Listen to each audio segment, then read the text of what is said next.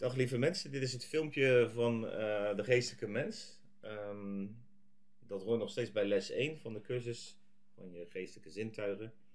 En het hoort ook nog bij het fundament. En uh, die eerste les is een klein beetje uitgebreid, omdat we daarin een paar fundamenten leggen die eigenlijk best wel essentieel zijn uh, voor als we verder gaan. dat we ook allemaal over dezelfde dingen spreken, dat we dezelfde definities hanteren.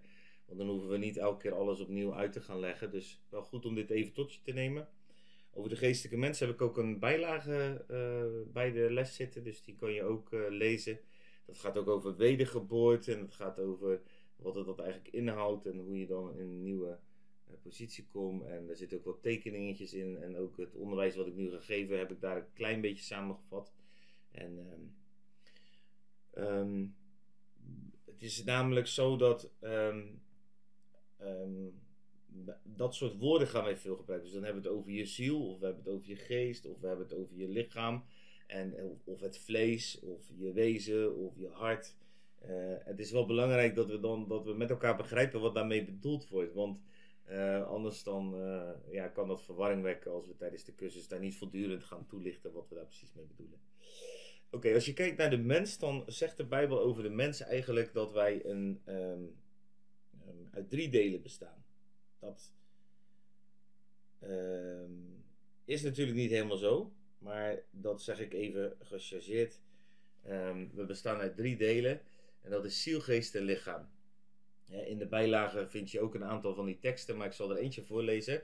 Uh, 1 Thessalonicense 5 vers 23, er staat een heilige God van de vrede, heilige u geheel en al. Dus we moeten helemaal geheiligd worden. En geheel uw geest, uw ziel en uw lichaam mogen bij de komst van onze Heer Jezus blijken in alle delen onberispelijk bewaard te zijn. Nou, zo zijn er nog veel meer teksten waarin je die ziel en de geest en het lichaam uh, los van elkaar komen. Dus wij zijn natuurlijk één als mensen. Je kan ons niet uit elkaar halen, want dan functioneren we niet meer zoals we zouden moeten functioneren.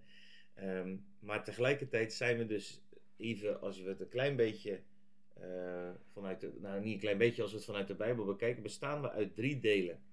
En dat is dus een drie-eenheid, hè, zou je kunnen zeggen. Ziel, geest en lichaam. Die drie zijn onlosmakelijk met elkaar verbonden. Um, ik begin even met het lichaam. De Bijbel noemt je lichaam ook vaak je vlees. Dus in, de, in het, de Bijbel kom je het woord stof tegen, dat gaat over je lichaam. Het woord lichaam, het woord vlees.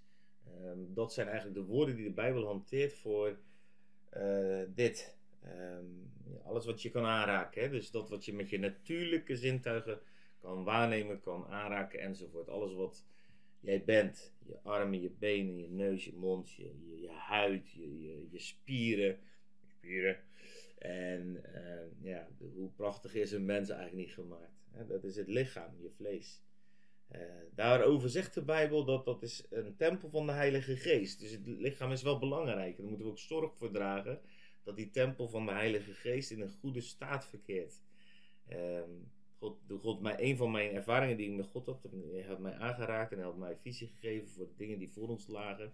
Dat was best spannende dingen. En, en ik had met God ook gesproken en gebeden over de tijd van revival, waarvan ik, dat ik zo verlangde dat die zou komen. En toen zei God mij dit. Ik zat onderweg uh, in een vliegtuig en God zei tegen mij: uh, Be fit for the fight. En ik hoorde dit, dat drie keer, drie keer achter elkaar. Uh, in, in hetzelfde, um, diezelfde vlucht sprak God: Be fit for the fight. Be fit for the fight. Be fit for the fight. En um, dat waren hele opmerkelijke woorden. Um, maar ook hele belangrijke woorden. Want wat God daarmee zei is: Albert ik heb je nieuwe dingen gegeven, ik heb een nieuwe kracht in je gelegd, ik heb nieuwe dingen in je ontwaakt, ik heb nieuwe dingen in je gezaaid. Maar ik heb een gezond en een sterk lichaam nodig. Nou, gezond en een sterk lichaam, dat zei hij niet. Hij zei, maar je moet fit worden voor het gevecht wat komt. En, uh, en, en voor mij zei dat op dat moment heel veel. Ik, ik was niet zo heel erg uh, gezond met mijn lichaam, uh, ging ik om. heel eerlijk gezegd, ik was me er ook nooit zo bewust van. Wat wel en niet gezond was. Ook al probeert mijn vrouw Michelle dat mij al voortdurend heel mijn leven bij te brengen. Uh, ja, was ik toch wel van, uh, ja, gewoon, ik was een Bourgondier, dat ben ik nog wel. Ik kan nog heel erg genieten van het leven. Maar ik ben wel veel bewuster met mijn lichaam omgegaan en uh, ook met beweging en dat soort dingen. Omdat ik geloof dat ik die woorden serieus moet nemen. Dat mijn tempel, mijn lichaam dus uh, ook heel belangrijk is voor God. En dat, dat wat ik heb aan vermogens, dat ik als ik zeg dat ik mijn lichaam aan hem geef, dat ik daar ook echt heel goed zorg voor moet dragen. Dat is voor mij soms best wel eens moeilijk. Dat is voor mij echt een uitdaging. En daar heb ik God ook echt heel hard bij nodig uh, om daar uh, krachtig in te wandelen. Maar dat is een voorbeeld, even waar, waar, waarom zeg ik dit, waarom vertel ik dit? Dat is namelijk omdat het dus belangrijk is dat we beseffen dat ons lichaam, de Bijbel zegt ergens zelfs, ja het lichaam is van weinig nut, hè, zegt Paulus. Maar daar bedoelt hij niet mee dat je lichaam niet nuttig is, want als je geen lichaam meer hebt, kan je dus ook niet meer de werken van God doen en de werken van de vijand ontmaskeren. En Jezus had ook een lichaam nodig uiteindelijk om hier op aarde dat te kunnen doen wat hij kwam doen. Dus eh, ook Jezus zal goed voor zijn lichaam gezorgd hebben in die jaren dat hij hier op aarde was. Al was het in die tijd ook wat makkelijker, want ze liepen zoveel. Daar is die, uh, zijn die 10.000 stappen van mij en Michelle niks bij. En ze liepen van Jeruzalem naar Samaria en weer terug en heen en weer.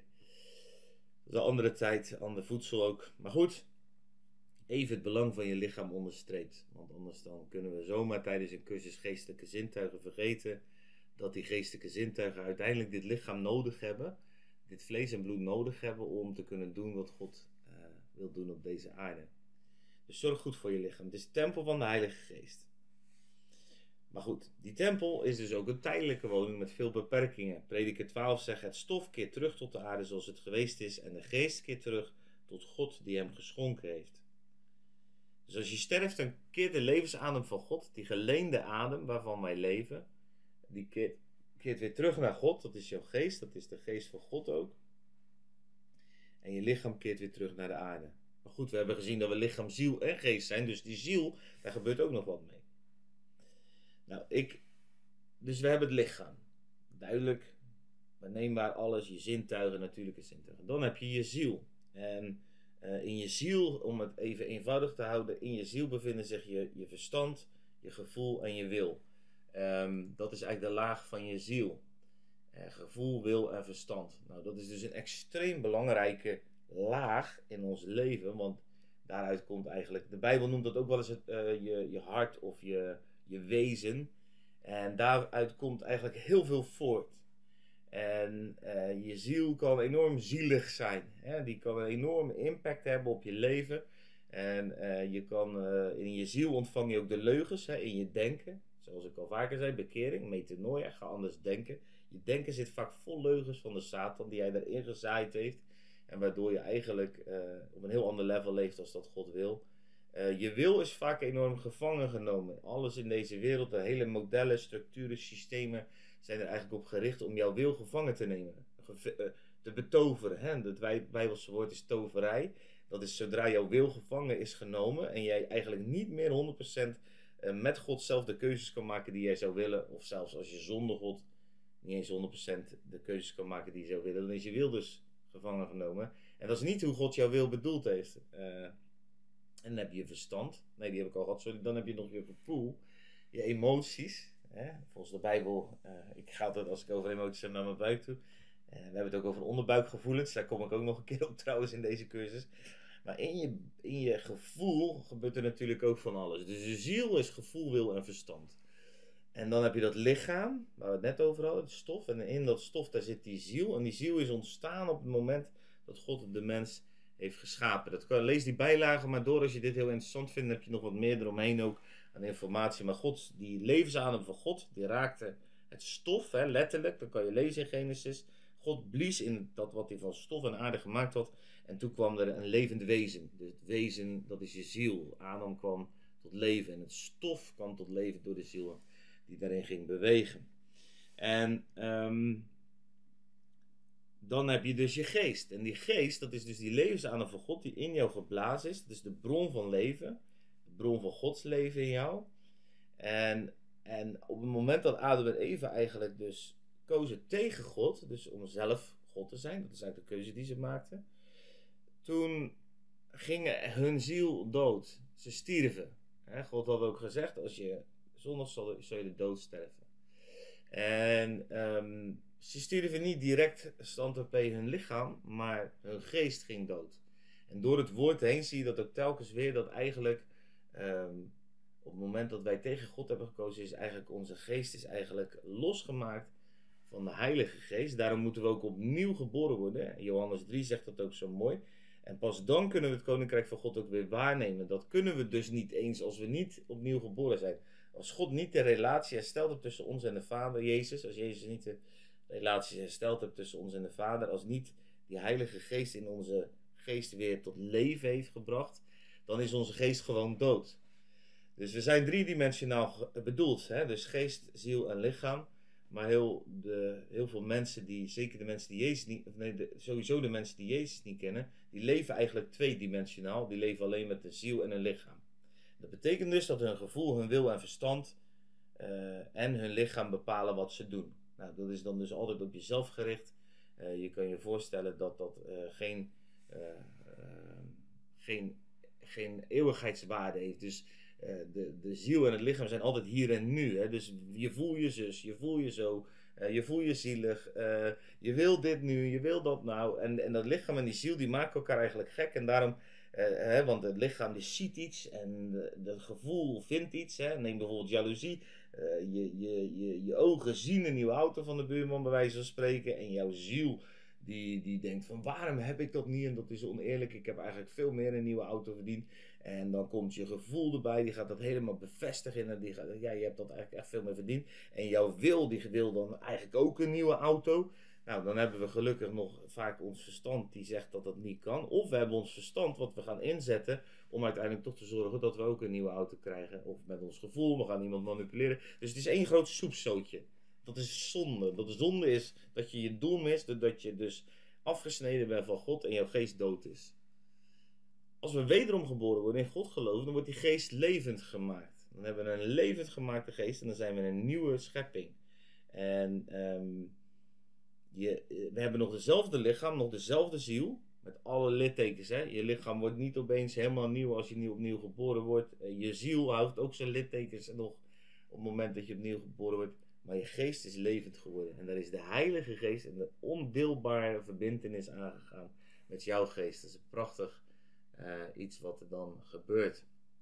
En die Heilige Geest die dus samengesmolten is uh, met jouw geest. En jouw geest weer levend gemaakt heeft dat is vanaf dat moment eigenlijk degene die het voor het zeggen moet gaan hebben. Net als als je dat filmpje nog niet gekeken hebt over de geestelijke wereld, dat we vanuit de derde hemel moeten leren leven en regeren.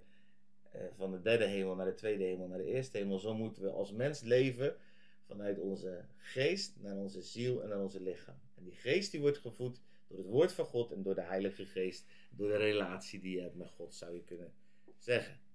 Nou, wat gebeurt er dan op het moment dat we weer jaloers worden? Dan zegt de geest in ons, onze geest, zegt van hé, hey, maar dat klopt niet.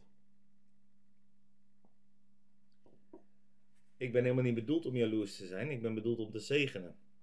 En dan gaan onze lichaam en onze ziel dus zich anders gedragen. En dan gaat ons lichaam misschien zelfs wel naar buiten om de buurman even een leuk praatje te maken. Over wat fantastisch gaaf het is voor hem dat hij een nieuwe auto heeft gekregen. op het moment dat wij dat praatje met die buurman maken en hij denkt van hé, hey, die is helemaal niet eens jaloers, wat, wat leuk. Uh, is zijn hart misschien wel open gegaan om op een ander moment zomaar eens het evangelie te delen. Dit is even een heel simpel voorbeeldje van uh, hoe deze materie werkt, maar het is super belangrijk. Dus als je dit interessant vindt, leest, is het prachtig. Ook dit is goed door het boekje van Watchman Nee, uh, over de, de, de geestelijke mens, heet dat boekje volgens mij letterlijk. wat hier helemaal over gaat, helemaal uitgewerkt is. Alright? Ik hou het even voor, nu voor hier. En, en dan komen dus, dus vanuit, als je dus die nieuwe mens, de geestelijke mens, die dus geregeerd wordt vanuit de geest, zijn geest. En die dus op een hele andere manier in het leven staat. Ja, dat zijn dan dus sowieso wederom geboren mensen. Maar helaas is er ook een bewust iets voor nodig om dat bij wijze van spreken te activeren. Dan heb je het weer over die geestelijke bewustzijn. Dus in Johannes, sorry, Johannes 1 vers 12 Zoveel als hem aangenomen heeft, die heeft hij macht gegeven. Die geest is levend gemaakt, die is daar. Die macht heb je om een kind van God te worden. Om dat helemaal te worden. Je bent dat, niet, je bent dat ook. In identiteit ben je dat. Je bent dat wel direct op basis van het feit dat je uh, Jezus aangenomen hebt. Maar er is een proces. Je bent het. Je identiteit is dat. Je bent een koningskind. Je bent van God. Maar je moet je dan nog gaan leren gedragen als. Je moet jezelf de rechten die dat kind heeft, moet je toe gaan eigenen. Je moet de littekens die je lichaam en je ziel hebben opgedaan, moet je nog gaan helen en genezen. Zodat je daadwerkelijk uiteindelijk gaat wandelen als kind van God in deze wereld. Die kinderen van God, daar staat ook zo mooi over in Romeinen, dat de hele schepping wacht op het openbaar worden van de zonen en dochters van God. En dat is waar de schepping naar verlangt, want dan heb je te maken met de positie van de mens. Die positie die we in moeten nemen, ehm, waar we het ook in het grote filmpje, hè, dus even de, de basis van deze les over gehad hebben, dat we onze positie in moeten gaan nemen. En in, ehm, in, in Psalm 8 eh, kom je zo mooi tegen. Wat is dan die positie? Dan kom je ook in Genesis 2 tegen. Kom door de hele Bijbel tegen. Maar wat is dan de sterveling? Dus dat zijn wij, stervelingen, stof. Dat u aan hem denkt en de mensenzoon dat u naar hem omziet. Wat is de mens? Is die vraag. En dan komt er ook een antwoord van: Toch hebt u hem weinig minder gemaakt dan de engelen. En u heeft hem met eer en glorie gekroond. Dus we hebben die kroon van eer en glorie, die geest die in ons woont, de levensadem van God. Daar zijn we mee gekroond. En staat er dan, u doet hem heersen over de werken van uw handen. U hebt alles onder zijn voeten gelegd. Dus wij mogen heersen. En kijk dat andere filmpje maar over de geestelijke wereld. Vanuit de derde hemel, in de tweede hemel. Dat het op aarde zichtbaar wordt. Dus Adam was ooit geschapen, om het even af te ronden, nog over die positie van de mens, over die geestelijke mens. Adam was geschapen als volmaakte geestelijke mens, net als dat Jezus geschapen was als volmaakte geestelijke mens. Adam heet de zoon van God. Kijk maar in Lucas 3, vers 38. Adam is geschapen als de zoon van God. En dat deed hij om, en hij, zijn, zijn opdracht was om te heersen, te bewaken en te bewerken.